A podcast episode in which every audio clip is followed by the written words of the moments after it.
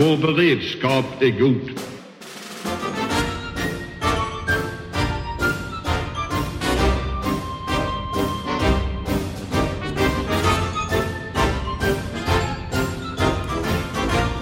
Hej och välkommen till Höjd beredskap, en podd från Aftonbladet Ledare.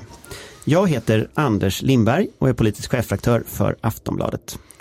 Jag heter Amanda Wollstad och är chefredaktör för Svensk Tidskrift. Patrik Oksanen här, senior fellow Tankesmedjan Fri Värld. Johan Victorin, omvärldsanalytiker. Och Annika. Lundgren Kristensen, försvarspolitisk expert. Tack så mycket. Eh, idag tänkte vi prata om en nygammal arena för krigföring, krigspropaganda, eller med ett mera modernt ord, informationskrig.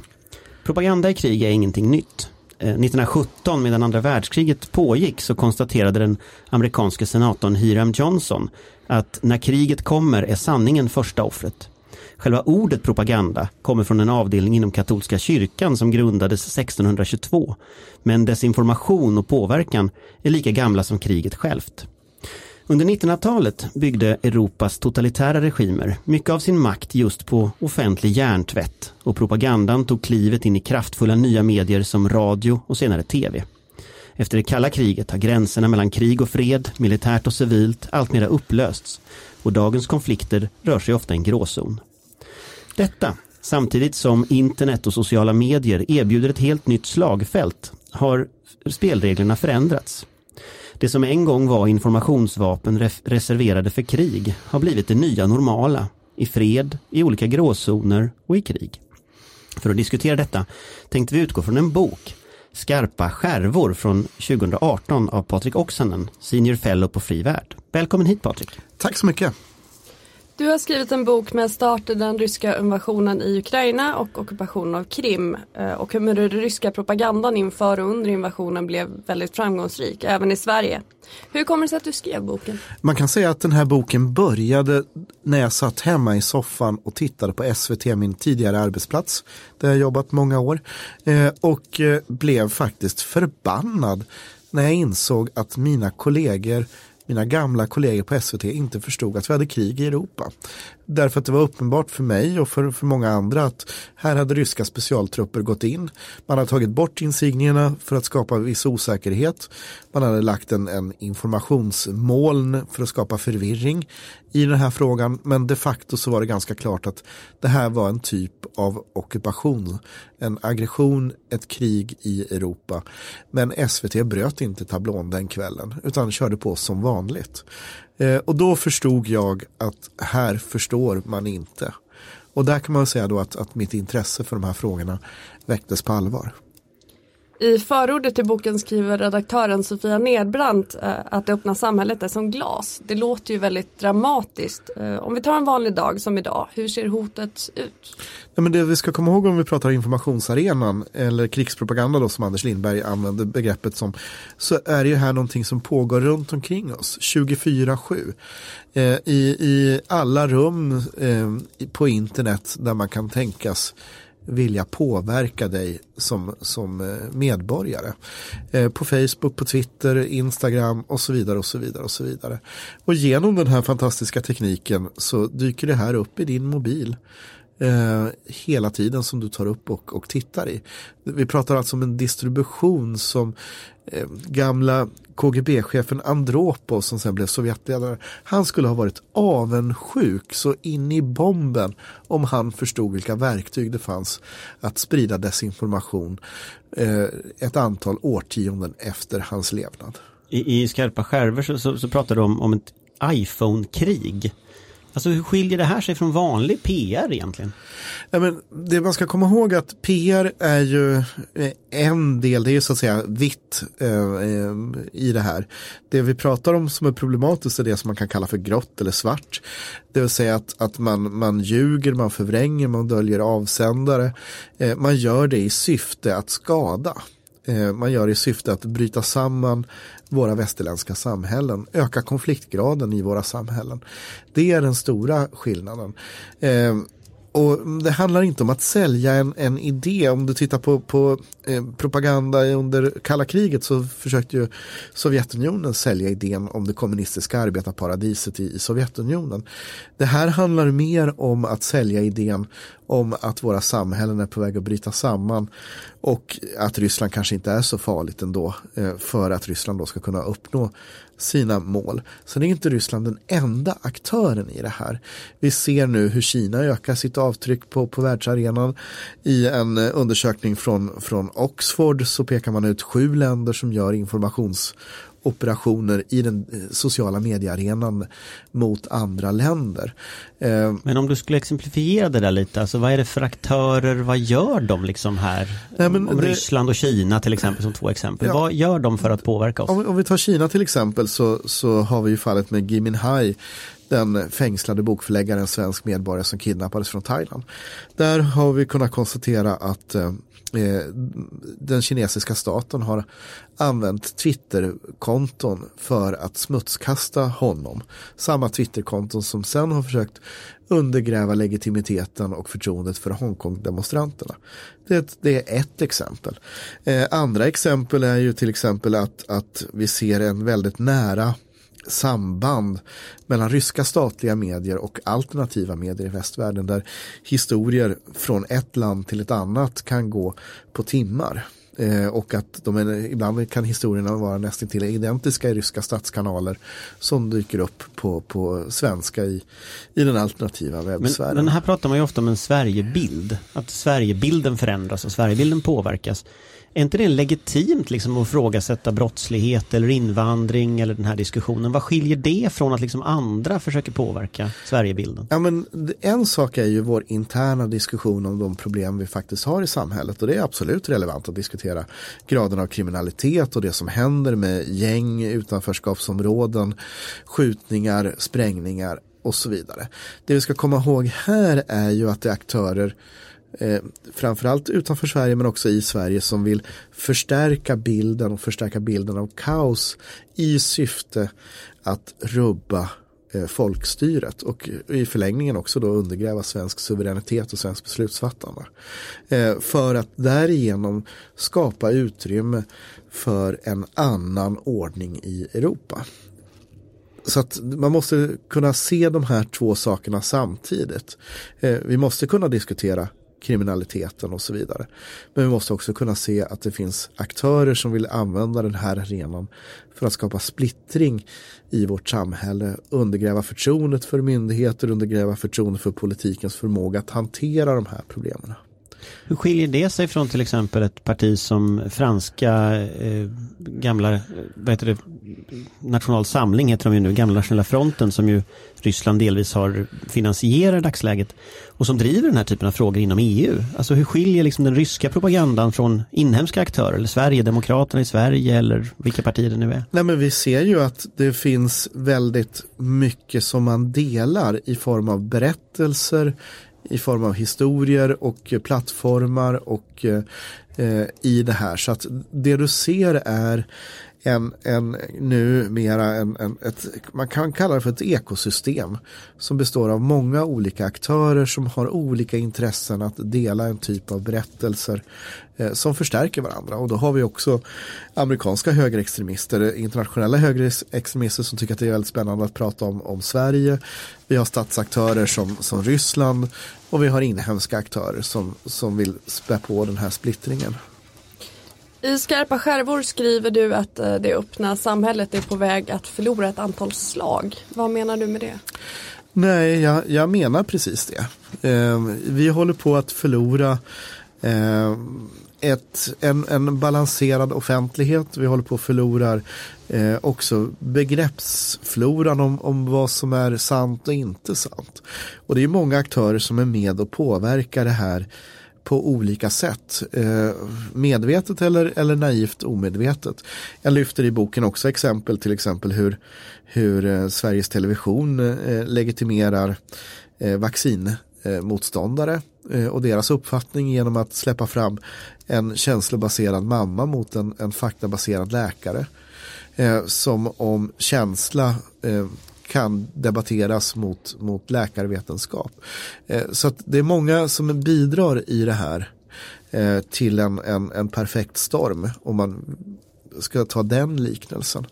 Eh, teknik, eh, samtid, eh, naivitet, statliga aktörer, ideologiska aktörer och så vidare. Det är ju ett brett ämne, det förstår jag, men samtidigt blir det lite luddigt ibland också. Mer specifikt, vilka är de här slagen vi håller på att förlora? Nej men vi håller på att förlora eh, ehm, slaget om, om, eh, om eh, eh, sanningsbegreppet. Eh, jag skulle säga då att, att här spelar ju ett postmodernistiskt förhållningssätt in också i det. Eh, vi håller på att förlora eh, slaget om, om eh, diskursen, om, om vad liksom är, är vad är, vad är en balanserad demokratisk diskurs? Den håller på att spåra ur.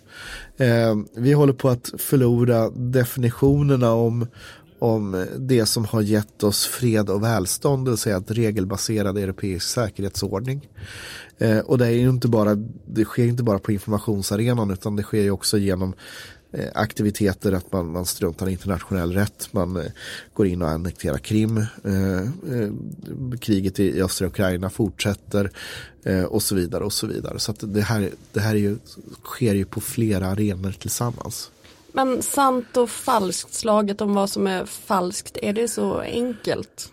Nej men det är ju inte nödvändigtvis helt enkelt men det finns ju vissa så att säga fundamenta i, i ett samhälle som jag inte trodde att vi skulle behöva sitta och diskutera 2019. Som till exempel att eh, eh, Sovjetunionens skuld till andra världskriget genom Molotov-Ribbentrop-pakten och den sovjetiska aggressionen mot Polen, Baltikum och Finland och att Sovjet därigenom har en skuld till att andra världskriget började. Den frågan borde egentligen ha varit avgjord när politbyrån till sist erkände att det fanns ett hemligt tilläggsprotokoll. Eh, här trycker Ryssland nu hårt eh, en, en annan alternativ verklighet. Man går tillbaka till en stalinistisk historieskrivning där Sovjet bara var offer för Nazityskland. Eh, man har till och med sagt att Polen fick skylla sig själva, de var, orsakade det här kriget eh, genom deras agerande, det är alla andras fel utom Sovjetunionen och dess arvtagare Ryssland. och vi ser också hur eh, den här debatten förs i våra samhällen av olika aktörer. En del akademiker och en del andra också. Eh, vi kan också notera att eh, det har kommit en ny tryck av en stridsskrift från 1946 som gavs ut till försvar för Sovjetunionen eh, när det gällde skuldfrågan som har getts ut av grupperingar närstående den ryska federationen på svenska. Eh, det är ett exempel. Du skriver också om slaget mot hatet och ilskan. Är den allt mer oförsonliga tonen i kanske framförallt sociala medier, är det en del av en påverkansoperation? Jag skulle säga så här att det är ju inte nödvändigtvis en del av en påverkansoperation men vi ser förstärkningar som är en del av en påverkansoperation. Eh, tillsammans med att sociala medier är i sin natur premierar starka känslor, avsky, ilska. Eh, algoritmerna gynnar den typen av berättelser och ger dem en skjuts och en fart. Och om du kombinerar det med en lögn så kan det bli en twist som hinner springa ett par varv runt jorden innan sanningen kommer ut. Och det gör ju då att man hela tiden hamnar efter i det här. Så att du har en, en kombination av saker och ting som inträffar samtidigt. Jag tänkte att vi, vi går tillbaka till det här ekosystemet du pratade om. Där liksom amerikansk eh, extremhöger, eh, rysk, ryska statliga mm, instrument, svenska alternativa sajter och högerextrem, liksom vänsterextrem mylla på något sätt förstärker varandra. Eh, om vi går tillbaka till, till där du började din bok i, i Ukraina 2014 Eh, Ryssland invaderar Ukraina, Ryssland invaderar Krim, man klipper av eh, de här flaggorna på, på uniformerna och så plötsligt så har vi en seriös diskussion i Sverige. Det här är ryska uniformer, det är ryska vapen, det är ryska fordon. Men vi diskuterade seriöst i svensk media om det här verkligen var ryska soldater. Eh, Eller spontant organiserade självförsvarsstyrkor. Ja, och det kallades separatister och det var alla möjliga saker som de här ryska soldaterna påstods vara då. Eh, trots att man hade topputrustning på sig som uppenbarligen var rysk. Eh, om du skulle liksom pinpointa varför gick vi på den lätte? För det tog ju flera veckor i Sverige av diskussion innan vi enades om att de ryska soldaterna faktiskt var ryska. Vad, liksom, vad var den viktigaste orsaken till att vi gick på det där? Jag tror att det, i vårt tänkande så har vi väldigt svårt att tro och acceptera att någon står och ljuger oss rakt ut i ansiktet.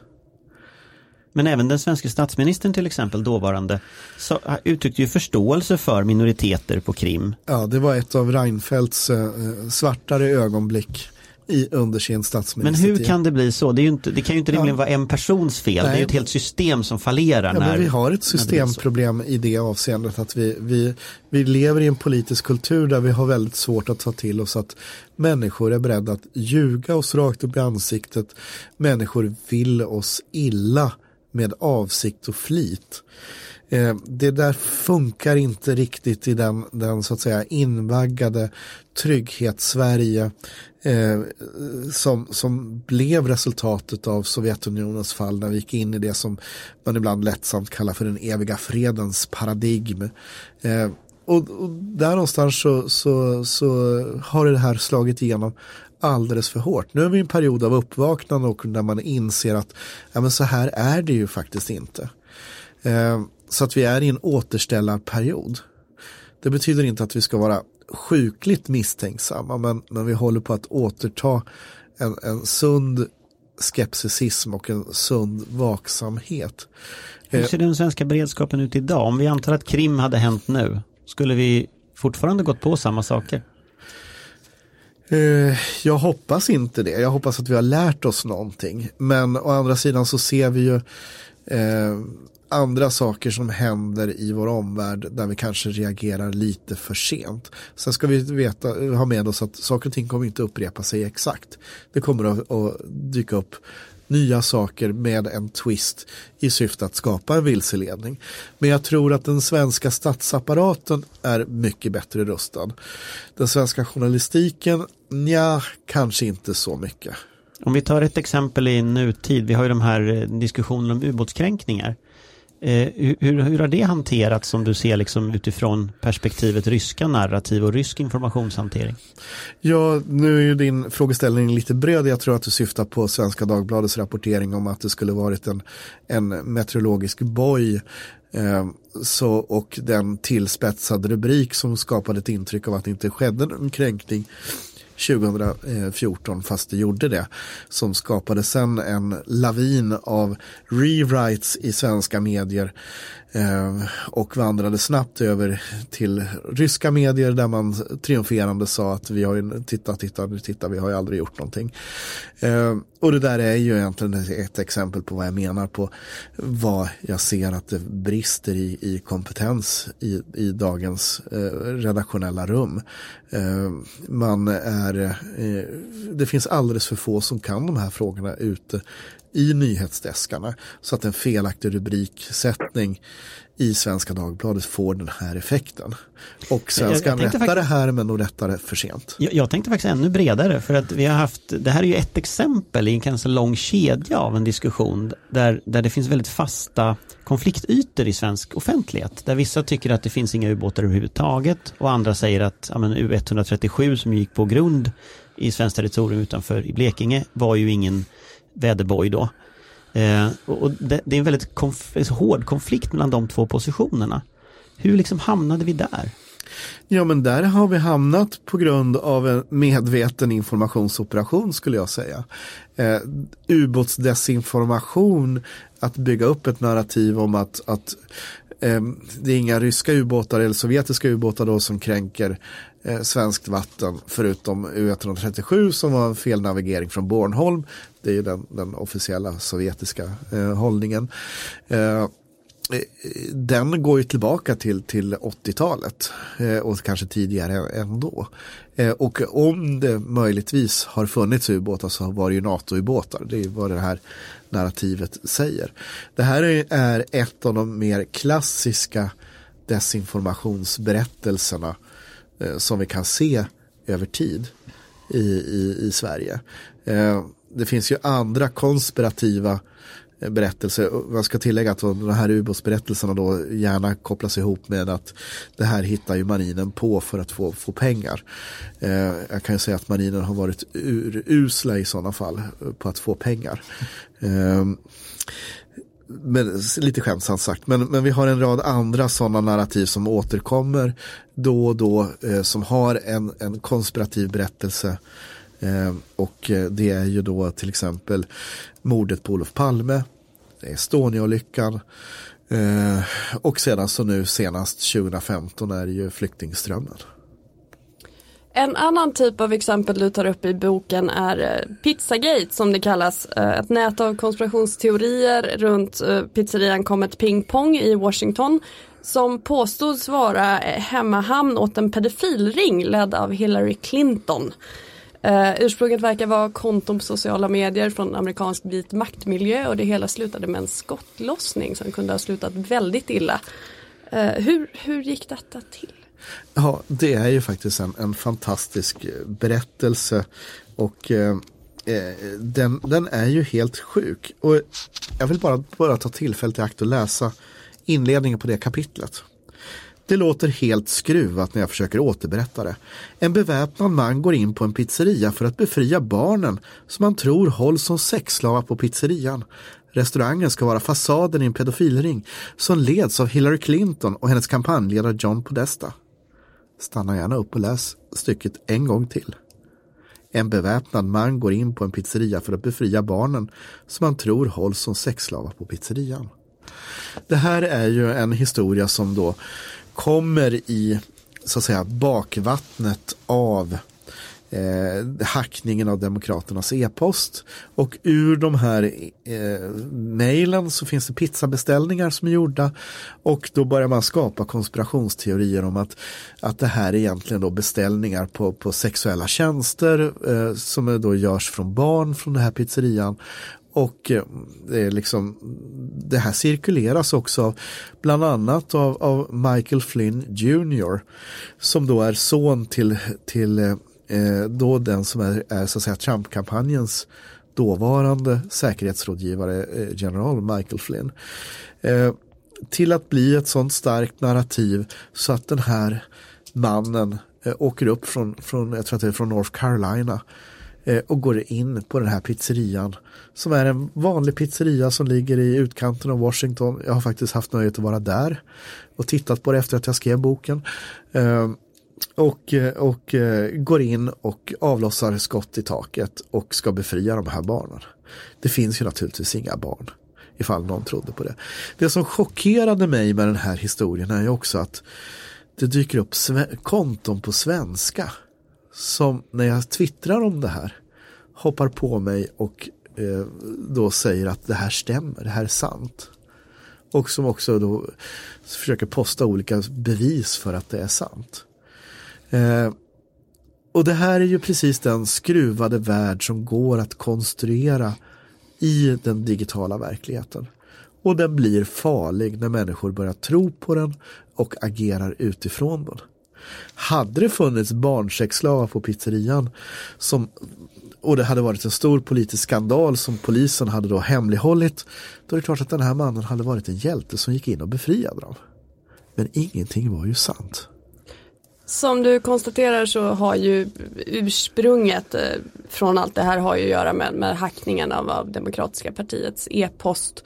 Eh, och den har ju varit en stor fråga på många andra ställen, även i lite kanske mer sansade diskurser. Eh, var det Ryssland som låg bakom hackningen? Var det Ryssland som låg bakom det som hände sen? Ryssland låg bakom hackningen, det vet vi.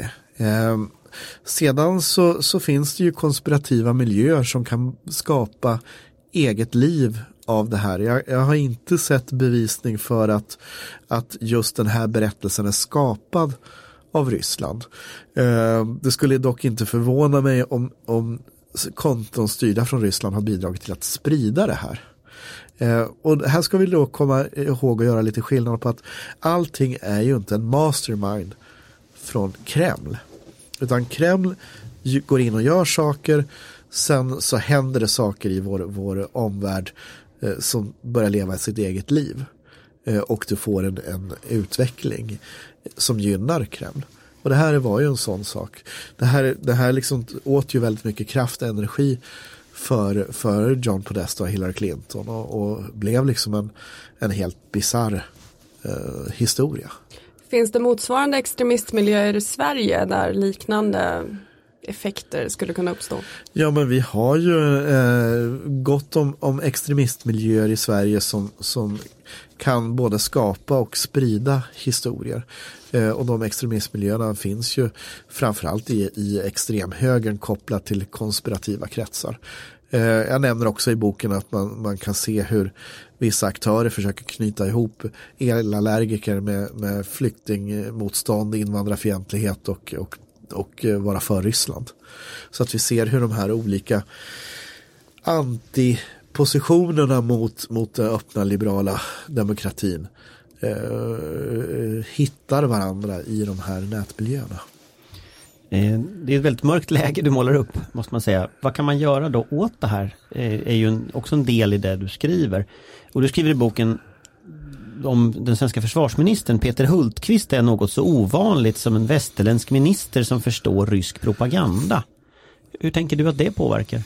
Nej men Peter Hultqvist har ju varit, för att vara försvarsminister i ett västeuropeiskt land, otroligt tydlig i de här frågorna. Han har varit tydlig med attributering, vad som hände på Krim. Eh, och han förstår också informationsarenans vikt. Eh, och det här märks när, när ministern pratar om de här ämnena. Han kan Men vad kan, man göra, dem. vad kan han göra konkret förutom prata?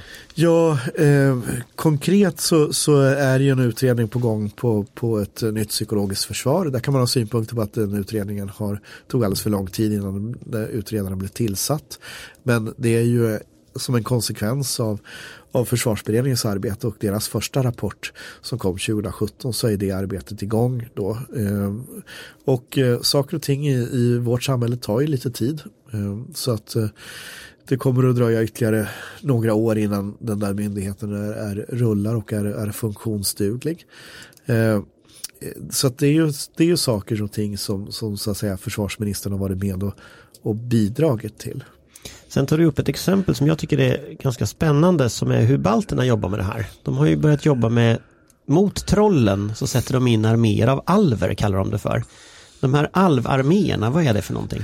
Ja, man kan ju beskriva det som engagerade medborgare som, som eh, istället för att gå med i hemvärnet går med i en alvarmé eh, organiserade självförsvarsstyrkor fast i den digitala arenan. Där man går in och bemöter rysk propaganda, man avslöjar rysk propaganda, låter den inte vara oemotsagd, eh, kartlägger den eh, och bidrar till att, att minska dess effekter. Det finns ju en diskussion som har uppstått lite om att man skulle ha digitalt hemvärn eh, att man skulle på något sätt samla folk. Tror du på det?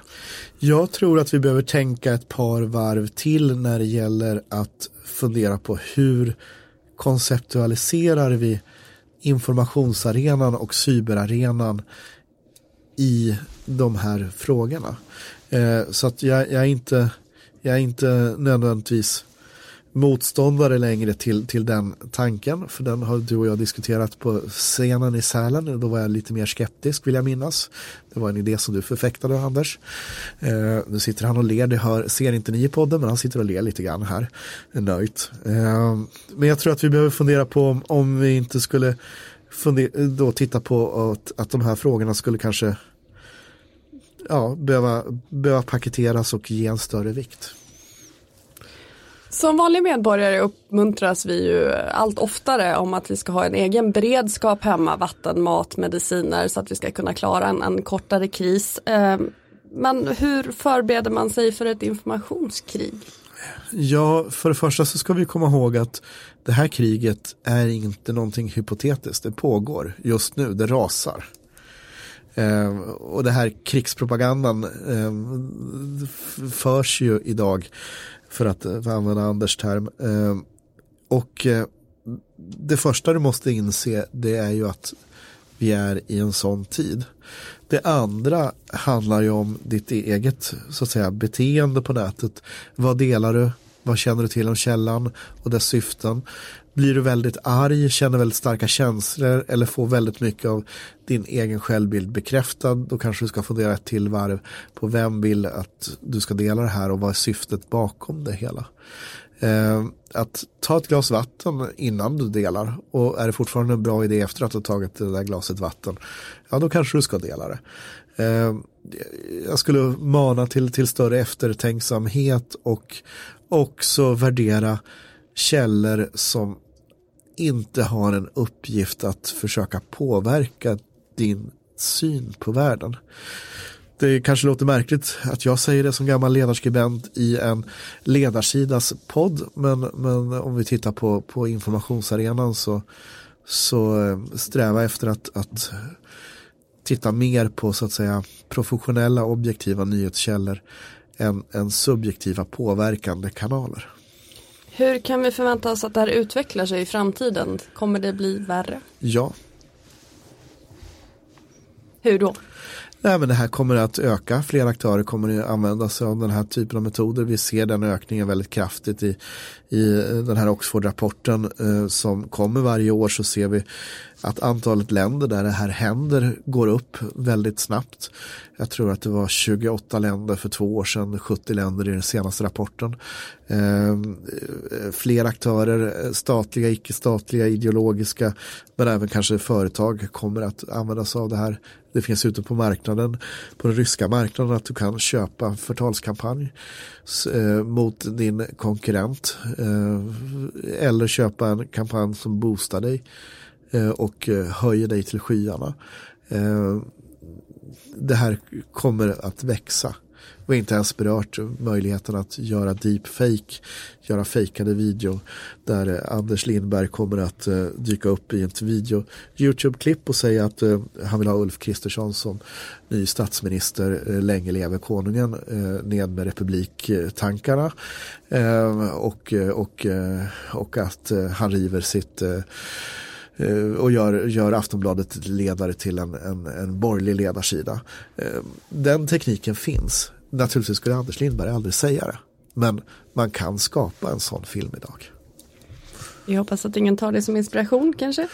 Eh, och vilka aktörer är det då? Vi har pratat om Ryssland, vi har pratat om Kina, du nämner IS, Daesh i, i din bok. Men nu pratar vi om att egentligen vem som helst skulle kunna driva en påverkansoperation. Företag, privatpersoner. Ja, välkommen till en skön ny värld. För att hänga på det, om du skulle liksom, om vi kan säga en liten trollskola med Patrik Oksanen här. Alltså, som egen, som användare på sociala medier. Eh, vad, hur bör man själv agera? Alltså, det finns ju FOI, Totalförsvarets forskningsinstitut, har ju konstaterat att en rätt stor del av vår diskussion idag påverkas ju av bottar som, som, som alltså är algoritmer eller helt enkelt inte människor som är med och kommunicerar och diskuterar politik. Som vanlig människa, vad bör man göra? Jag skulle vilja skicka en, en, en önskan till alla som lyssnar på den här podden att eh, vara lite mindre på sociala medier och lite mer i verkligheten och prata med varandra. För att det finns så många dimensioner av kommunikation och samtal som går förlorade i den tvådimensionella 280 tecken verkligheten som Twitter utgör eller den, den arga känslokammaren som Facebook är. Eh, så prata mer om vår tid och vad som händer med människor i din omgivning. Men konkret, vad ska man göra med alla de här trollen? Ska man ignorera dem? Ska man svara på dem? Ska man låta felaktigheter vara oemotsagda? Ska man säga emot? Ja, det, det, där, det där kommer du få ett goddag yxskaft svar av mig för att det finns ju många olika varianter av det här så att det blir ju lite grann beror på. Men om du sitter på sociala mediejättarna gör inte tillräckligt för att rensa bort det här eh, och hålla det här borta från, från sina plattformar. Det klarar de inte av riktigt. Eh, beträffande felaktigheter så att om du blir utsatt för en för felaktigheter där du ser att det finns en organisation bakom det i någon form mot dig eller din organisation. Då är det viktigt att ni får ut den korrekta informationen snabbt så att det inte får spridning i, i större kretsar. Och kanske också proaktivt tänka vilka kretsar kan det här sprida sig till så att man själv genskjuter den informationsspridningen genom att gå först till de som kan tänkas ta del av den felaktiga informationen så att de får, först får veta från dig att det, det är det här som gäller. Då, då har man byggt upp en motståndskraft mot just det här tillfället. Det finns ett sånt där råd som folk brukar ge att det du ska vara absolut mest försiktig med det är saker som du håller med. Ja. Är det ett bra råd? Ja men det är ett bra råd. Därför att det, det är ju det är ju det är ju så lätt att falla in i en emotionell känsla, känsla att man bekräftar sin världsbild hela tiden. Och det är där jag menar på att där ska du vara extra försiktig och tänka till. Vem vill att jag sprider det här? Tack så mycket Patrik Oksanen. Tackar. Tired of ads barging into your favorite news podcasts? Good news. Ad-free listening is available on Amazon Music for all the music plus top podcasts included with your Prime membership. Stay up to date on everything newsworthy by downloading the Amazon Music app for free or go to amazon.com slash news ad free. That's amazon.com slash news ad free to catch up on the latest episodes without the ads.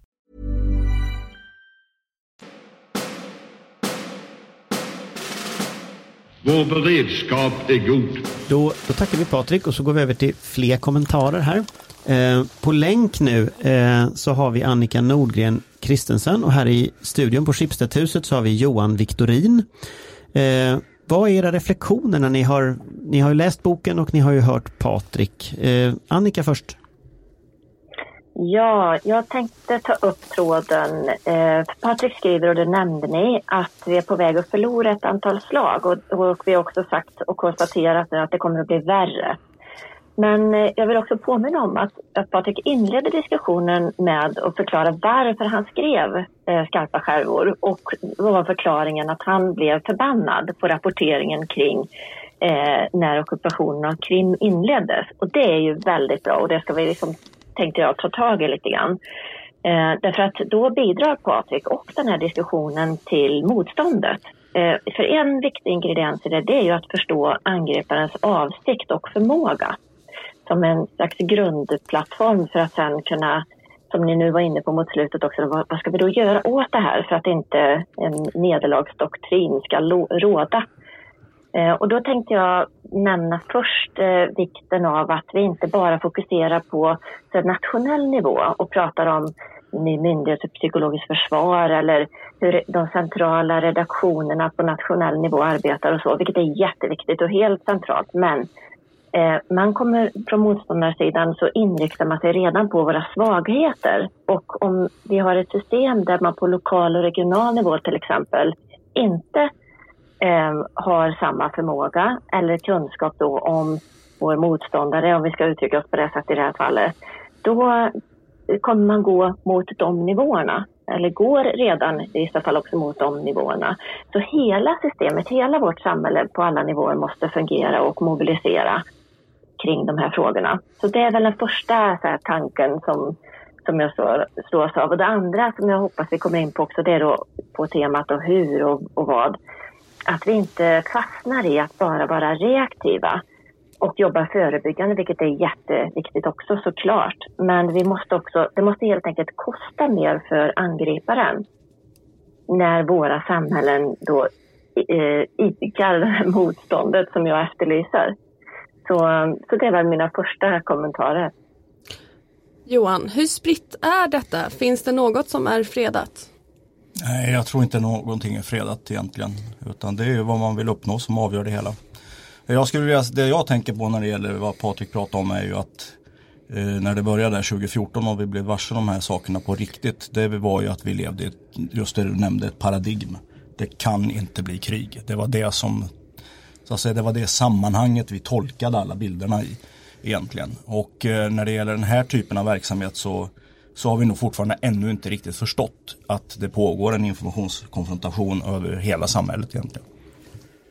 Jag vill haka på Johan där, för det är jätteviktigt eh, det du säger Johan. För eh, man vill ju fortfarande, jag tror att det är en grund för väldigt mycket av de här plågsamma diskussionerna kring försvaret, men också naturligtvis försvaret då mot eh, den här informationsoperationer och informationskampanjer.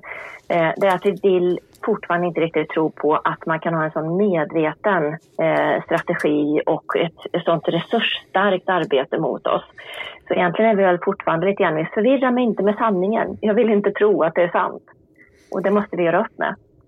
Men varför har vi så svårt att inse omfattningen av det här? Vi lever ju ändå i ett annat samhälle idag. Krim är invaderat, stora delar av östra Ukraina är fortfarande invaderat. Vi har haft ett antal diskussioner om aktiv valpåverkan i flera länder som står oss nära. Varför vill vi inte riktigt se vad som händer? Nej men vi, det är fortfarande en sån rest kvar att det, det känns overkligt att någon skulle vilja oss illa egentligen. Alltså nu pratar jag som en generell observation. Eh, och jag tror också att vi inte har ett vi har inte gjort upp ett riktigt förhållningssätt till informationssäkerhet och då menar jag alltså information brett, inte några liksom ettor och nollor i någon fiberkabel utan liksom vad är information och eh, hur håller vi den säker? Det vill säga att det finns eh, integritet i informationen, att den är tillgänglig och så vidare, att den är konfidentiell där den ska vara. Man kan säga, en, en, diskussion som vi kom lite in på förut, det är om, om cyber, alltså när man hackar, det här med att John Podestas mail hackades och det skapade liksom den här förutsättningen för Pizzagate till exempel. Eh, där finns ju ett cybercentrum, där finns ju liksom en planering.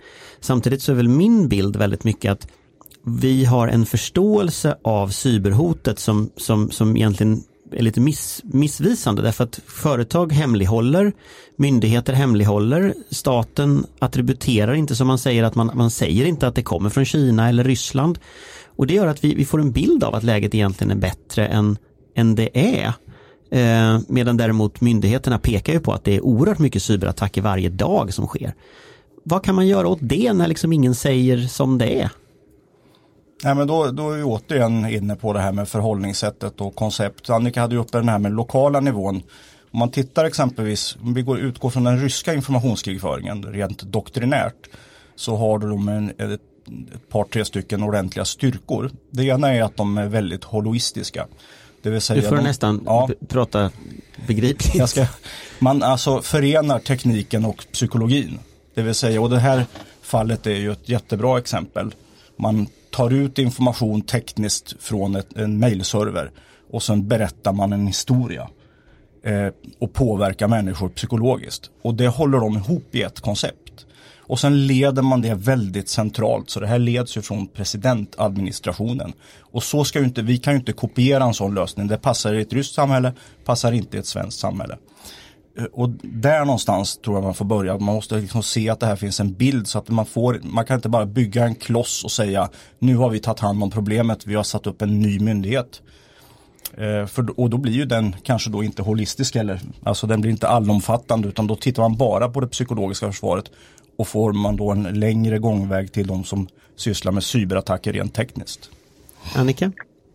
Ja, jag tänker också på att det är viktiga poänger här i den här mixen av förmåga. Mellan att plocka ut information, man, kunna manipulera information, kunna sprida information i detta ekosystem som vi pratade om förut.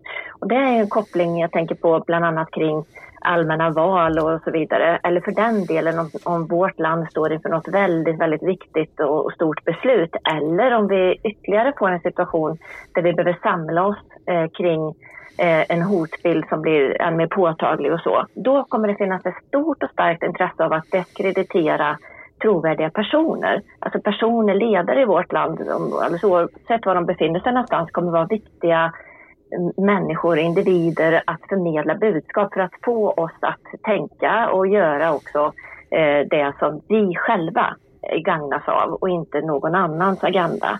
Och de personerna kan man ju med hjälp av de här metoderna verkligen sjunka eller sänka förtroendemässigt. Och därför är det också så viktigt att man på alla nivåer, om man riktar sig mot beslutsfattare av olika slag, då har en hygien, hur man pratar med, med vem och i vilka eh, medier, eh, det vill säga då tänker jag på mobiltelefonanvändning och alla sådana där saker. Där har vi en lång väg kvar därför att eh, man inte riktigt har fullt grepp om vilken förmåga och vilja och återigen resurser och uthållighet man har. Framförallt då kring de här statsaktörerna som, som vi pratar om nu.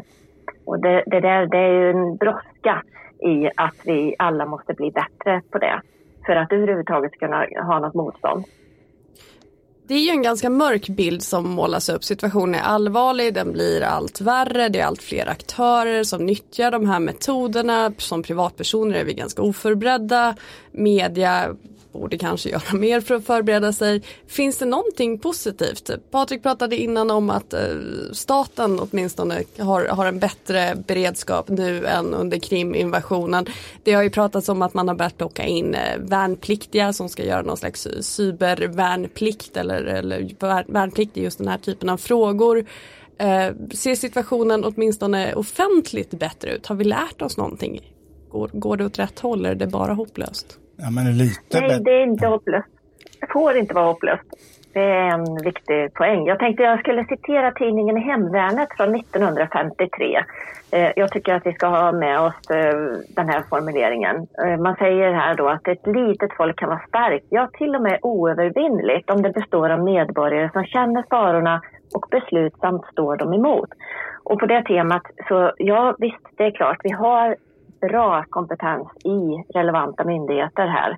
Vi har en vilja hos politiska beslutsfattare att vara, vi har pratat om, om Peter Hultqvist, försvarsminister, som ett exempel på där kunskap förenas med vilja liksom, till motstånd här. Eh, och det finns andra exempel och inte minst eh, Patriks bok och annat som bidrar till att vi alla kan liksom, höja oss.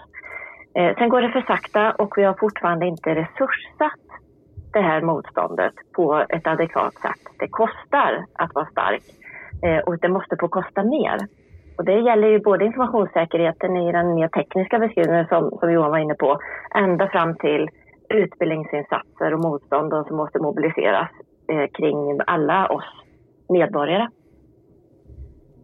Ja, det är väldigt väl talat. Det gäller att skapa en berättelse om vad det här är för någonting som är stark. Det är ju där det börjar någonstans. Jag tänker att, jag tänker att en, en, eh, en av mina favorithistoriker, Timothy Snyder, han skriver i eh, On Tyranny, eh, som kom för ett par år sedan, så skriver han om hur journalister i mellanvästern, både ryska och ukrainska journalister och amerikanska journalister var där och bevakade valet. Och då beskriver han det som att de amerikanska journalisterna förstod ingenting av Trump. Medan de ryska och ukrainska journalisterna som var i mellanvästern direkt kände igen tekniken som någonting som har varit i öst. Det här var som det har varit i Ukraina, som det har varit i Ryssland och det var tekniker som Trump använde som de liksom kände igen hemifrån. Eh, Timothy Snyders slutsats av det där är att förr gick liksom den stora vågorna i världen från väst till öst. Det var demokrati, det var marknadsekonomi. Nu går de stora vågorna åt andra hållet, att det är öst som påverkar väst mer än tvärtom. Har han rätt i den analysen? Johan, ska du ta den eh, frågeställningen först så hinner jag tänka. Nej men alltså man, inom krigsvetenskapen så pratar man ju om olika krigföringsstilar, eh, den västliga och den östliga. Och, eh, och den östliga är då mer indirekt och, och betonar mer hemligheter och sådana saker. Så att det kan nog vara lite mer konspiratoriskt, så att det kan nog stämma, ligga en del poäng. Jag tror också det var så att eh, de mest populära fil, den mest populära filmen i, i amerikanska städer i mellanvästern under den perioden var American Sniper. Eh, vilket ju skildrade eh, kriget i Irak på ett, på ett sätt som människor där upplevde som ett sår. Eh, så att eh, ja, det är otroligt, otroligt eh, spännande att kunna dyka ner och det är ju så också att informationsteknologin gör det ju möjligt att, att eh, gå ner i djup i analys också och hitta var man ska sätta in avgörande stötar för att så att säga svänga ett val då i vissa valkretsar eller vad det kan vara för någonting. Och det beror ju lite grann på vad man har för valsystem och hur det funkar förstås. Då. Men man kan ju få ut stora effekter genom eh, väldigt precisa målgruppsanalyser och sätta in argument som passar just mig. Jag är lite sugen på att hoppa in här lite snabbt Annika så får du tänka lite mer.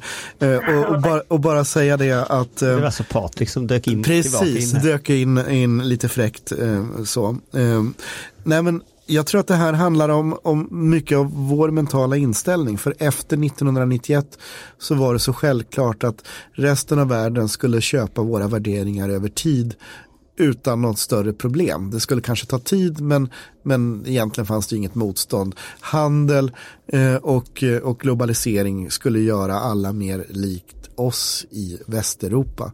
Eh, och eh, eh det är bara att konstatera nu att vi hade fel och det har också gjort att den här attityden har gjort att vi har inte varit uppmärksamma när, när eh, det motsatsa börjar inträffa. Annika? Ja, jag håller med om, om det och eh, jag tycker också att det var viktiga saker som Johan sa. Jag skulle vilja haka på det med att den här tekniken då och att kunna påverka och effektivt liksom manipulera den måste man ju också då kunna vända på och använda just för att blottlägga, synliggöra och också då inrikta motståndet. Det vill säga jag är tillbaka lite grann i min efterlysning här av att det måste kosta mer. Och här måste liksom, eh, väst, västliga demokratier eh, bli mycket bättre på att gemensamt eh, agera. Jag tänker på sånt som vilka vi sanktionerar. Det är fortfarande olika. Amerikanska eh, systemet har liksom en lista och vi förmår inte liksom att jacka ihop och blottlägga individer som är inblandade i detta som måste få betala ett pris. Eh, och där borde vi mycket, mycket bättre kunna eh, utgöra ett motstånd gemensamt för de som är intresserade av att bibehålla de värden som vi säger att vi ska försvara. Där det här som skjuter in direkt på och underminerar våra samhällen på ett sätt som vi måste eh, återigen då liksom synliggöra, lyfta upp och agera emot och inte bara bygga förmåga för att kunna motstå. Så det, det skulle jag vilja, vara, skulle vilja att det var liksom nästa steg i, i eh, motståndskraften. För att kort återgå till prepping-tanken. Eh, nyligen så har ju om krisen eller kriget kommer återutgivits eh, i folderformat nu när det inte längre finns några telefonkataloger. Skulle vi behöva en om trollen kommer att dela ut till? Eller in, utbildningsinsatser i grundskolan? Hur, hur ökar man informationen och upp beredskapen på individnivå? De finns ju redan här så att... Jag tror man... Alltså om Ja, de- trollen kommer. Trollen är här och, och skolan Skolan agerar. Jag- Jag tror faktiskt att, att man nu har en betydligt bättre jämfört med tidigare i alla fall eh, undervisning kring källkritik och hela den biten. Den kan naturligtvis bli bättre. Allt kan alltid förbättras. Eh, men, men det är klart att eh, en annan sak som jag tror kommer vara viktig att utveckla det är också hur våra underrättelsemyndigheter arbetar med information. Det, vill säga att, att få de här exemplen att medverka till den här kunskapshöjningen. Man har börjat och man har blivit betydligt tydligare eh, från svensk sida i de här årsrapporterna som görs ut av våra eh, tjänster. Men det finns eh, baltiska exempel på där man går ytterligare i exempel eh, att blottlägga, visa, synliggöra också på individnivå vilka som ligger bakom och är, och är inblandade i detta. Och det tror jag det finns fler, mer att göra där också. I, i, Estlands underrättelsetjänst, deras årsrapporter är ju extremt detaljerade. Och, och Ja. eh, om, om man tänker när du säger höja priset eller det måste kosta. Eh, hur konkret tycker du svenska staten ska vara? Ska vi anklaga enskilda officerare i eh, den ryska underrättelsetjänsten eller ska vi peka ut Ryssland eller vad ska vi, alltså hur långt ska man gå i att det här som heter attributera, att man berättar var saker kommer ifrån? Jag tror man ska gå ganska långt, men det är ett getingbo. Därför att eh, gränslinjen går ju där man börjar också blottlägga vilka förmågor man har. Det vill man och ska verkligen inte göra. Eh, men det, jag tror att vi är inte i vägs ände där. Vi har inte tänt de gränserna kanske. De, de, återigen, estniska eh, systerorganisationer här är, har ju visat eh, på en väg att gå.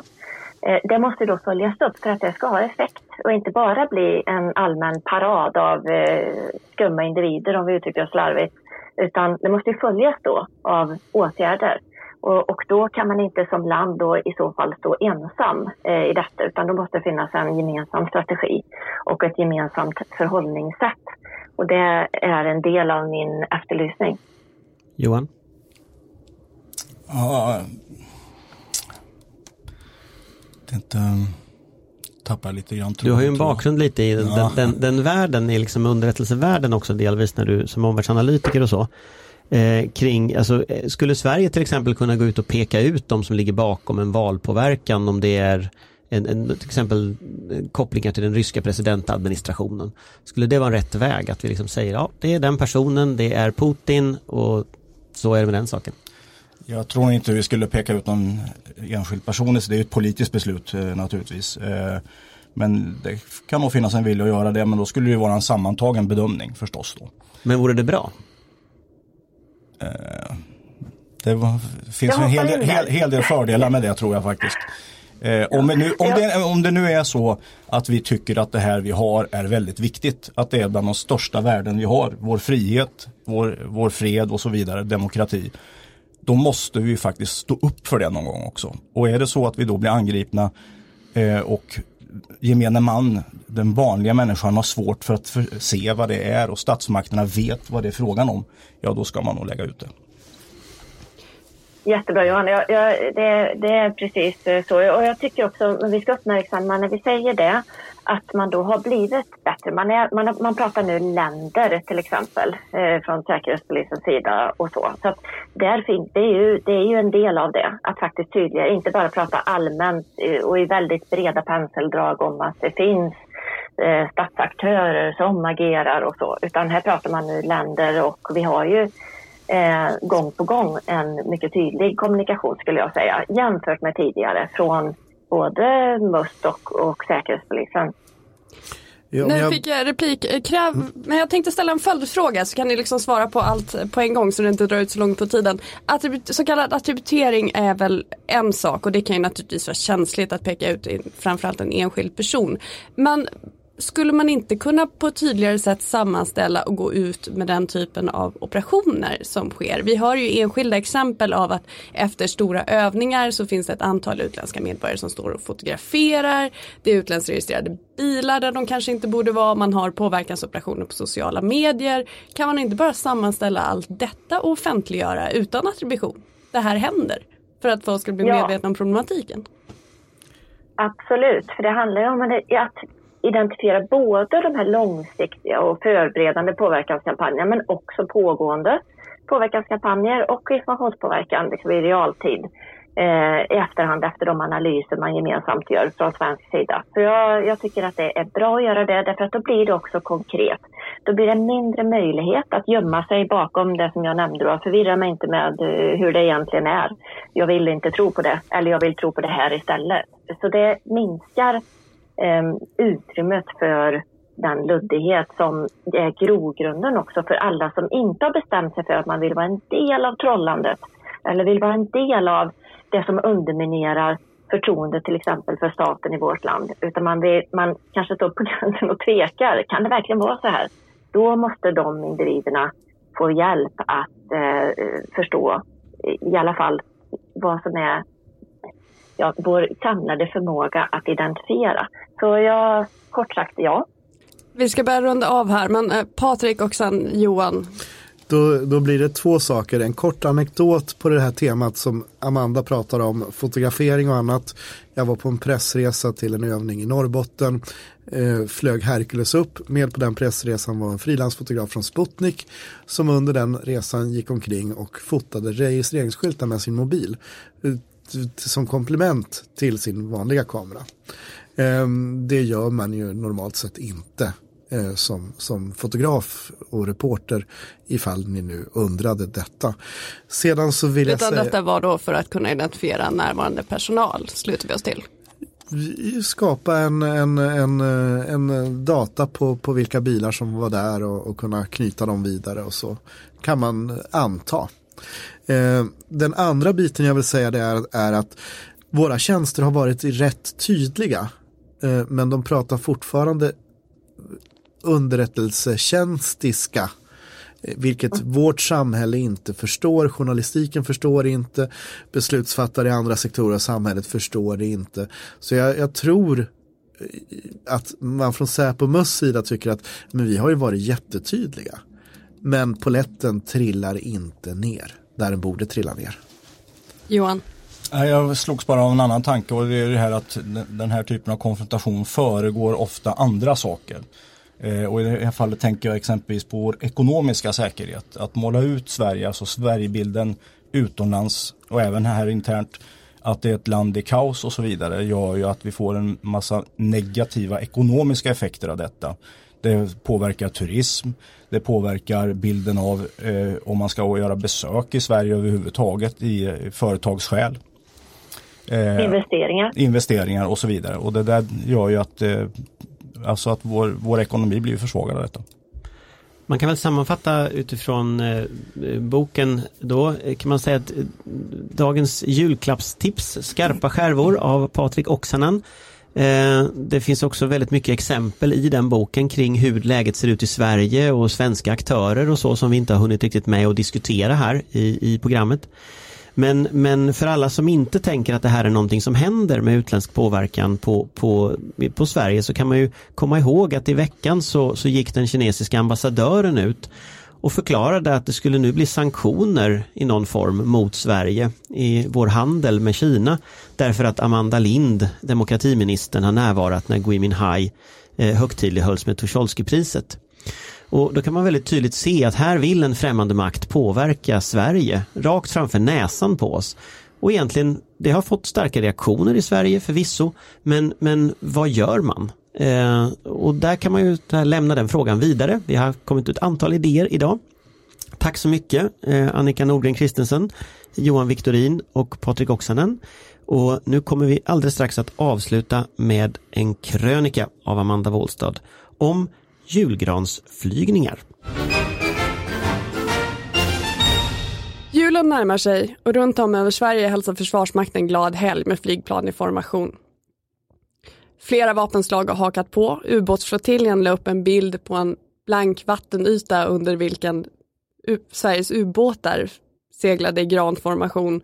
En av helikopterflottiljerna la upp en video över en lågflygande helikopter över granskog. Armén har ännu inte kommit med sitt bidrag men de hänger under granar mest hela tiden. Men julgransflygningarna signalerar mer än att julen står för dörren. Det visar också på en ökad närvaro och förmåga. Under många år var julhälsningen nedprioriterad när ett allt kärvare ekonomiskt läge och personalbrist gjorde ekvationen omöjlig för Försvarsmakten. Samtidigt försvann värnpliktskullarna från tågstationer och flygplatser på fredag eftermiddagarna. Regementen lades ner, material avskaffades och skjutfält lades i träda. Försvarsmakten tog ett steg tillbaka från det offentliga rummet och från många svenskars medvetande. Därför värmer det lite extra att se JAS 39 Gripen i siluett mot ett decembergrått himlavalv. De är tillbaka. Försvarsmakten har en bra bit kvar till den kapacitet man vill och borde ha, men myndigheten är på rätt väg. Rekryteringen ökar, förmågor återtas och en ny generation officerare får lära sig att bygga upp snarare än att lägga ner. Alla uppskattar inte traditionen. Som varje år sedan flygningarna återupptogs diskuteras frågan om hur ljudet av jaktplan känns för den som upplevt krig. Det är inget att raljera om. Sverige har haft fred i över 200 år och de av oss som är födda här och inte har deltagit i internationella insatser har ingen aning om hur det känns när vinandet över himlen följs av bomber. Försvarsmakten har, precis som polis, tull, domstolar och resten av det offentliga Sverige, en pedagogisk utmaning i att vinna förtroende också hos dem som aldrig tidigare haft anledning att lita på offentliga institutioner. Men svaret är inte att sluta synas, lika lite som det är att sluta delta i nationaldagsfiranden och festivaler. Tvärtom är det i mötet förtroendet vinns. Det personliga, men också i mötet mellan civilt liv och militär beredskap. För ett litet land som vill förbli självständigt i en allt oroligare omvärld är en synlig försvarsmakt en absolut nödvändighet. Vi har till stor del vår i alla fall tidvis goda försvarsförmåga att tacka för att vi så länge har fått leva i fred. Flygningarna är inte bara pigga julhälsningar, riktigt så bra ekonomi kommer myndigheten nog aldrig att få. Julgransflygningen är en uppvisning i avancerad formationsflygning och ett utmärkt övningstillfälle. Träning och uppvisning i ett. I år uteblir dock en del av effekten. Försvarsmaktens skolflygplan SK60, som används för att utbilda nya Gripenpiloter, belades i mitten på november med flygförbud. Ett materialfel har upptäckts. Enligt flygvapnets tekniska chef handlar det förmodligen om en utmattningsskada. Av säkerhetsskäl får samtliga plan hålla sig på marken tills vidare. Modellen har varit i bruk som skolflyg sedan 60-talet och planen börjar helt enkelt vara utslitna. Behovet av att anskaffa nya skolflyg har påpekats i många år, men frågan har förhalats. Det pekar på ett av försvarspolitikens stora problem. Långa ledtider i samband med bristande framförhållning. Det tar tid att inskaffa och införliva militärt material, även när det inte handlar om precis projekt som Gripen E eller nya ubåtar. Det ska genomföras behovsanalyser, göras budgetunderlag, fastställas kravspecifikationer och upphandlas. Och det är innan systemen ens börjar byggas. När de är klara, eller på väg att bli, ska piloter, utbildare och tekniska personal lära sig de nya systemen. Infrastrukturen ska anpassas och underhållssystem byggas upp. Det går inte att vänta till planen vittrar sönder innan man tar beslut om nyanskaffning. Då riskerar Försvarsmakten att bli stående utan möjlighet att utbilda nya piloter. Det är flera stora system som snart kommer behöva bytas ut för att Försvarsmakten ska kunna upprätthålla sin förmåga. Många av dem, exempelvis nya ytstridsfartyg, har redan skjutits till nästa försvarsbeslut 2025. Först en eller ett par perioder efter det kommer de kunna börja användas av flottan. Då talar vi tidigt 2030-tal, tidigast. Om inte nästa års försvarsbeslut finansieras fullt ut kommer beslut om fler system och förmågor att skjutas på framtiden. Materialskulden växer och återtagandet av svensk försvarsförmåga riskeras. När ansvariga politiker tittar upp mot himlen är det budskapet de bör ta till sig. För Försvarsmakten finns ett egenvärde i att synas. För beställarna i riksdag och regering, för det folk man har i uppgift att försvara och för de krafter man har i uppgift att försvara landet ifrån.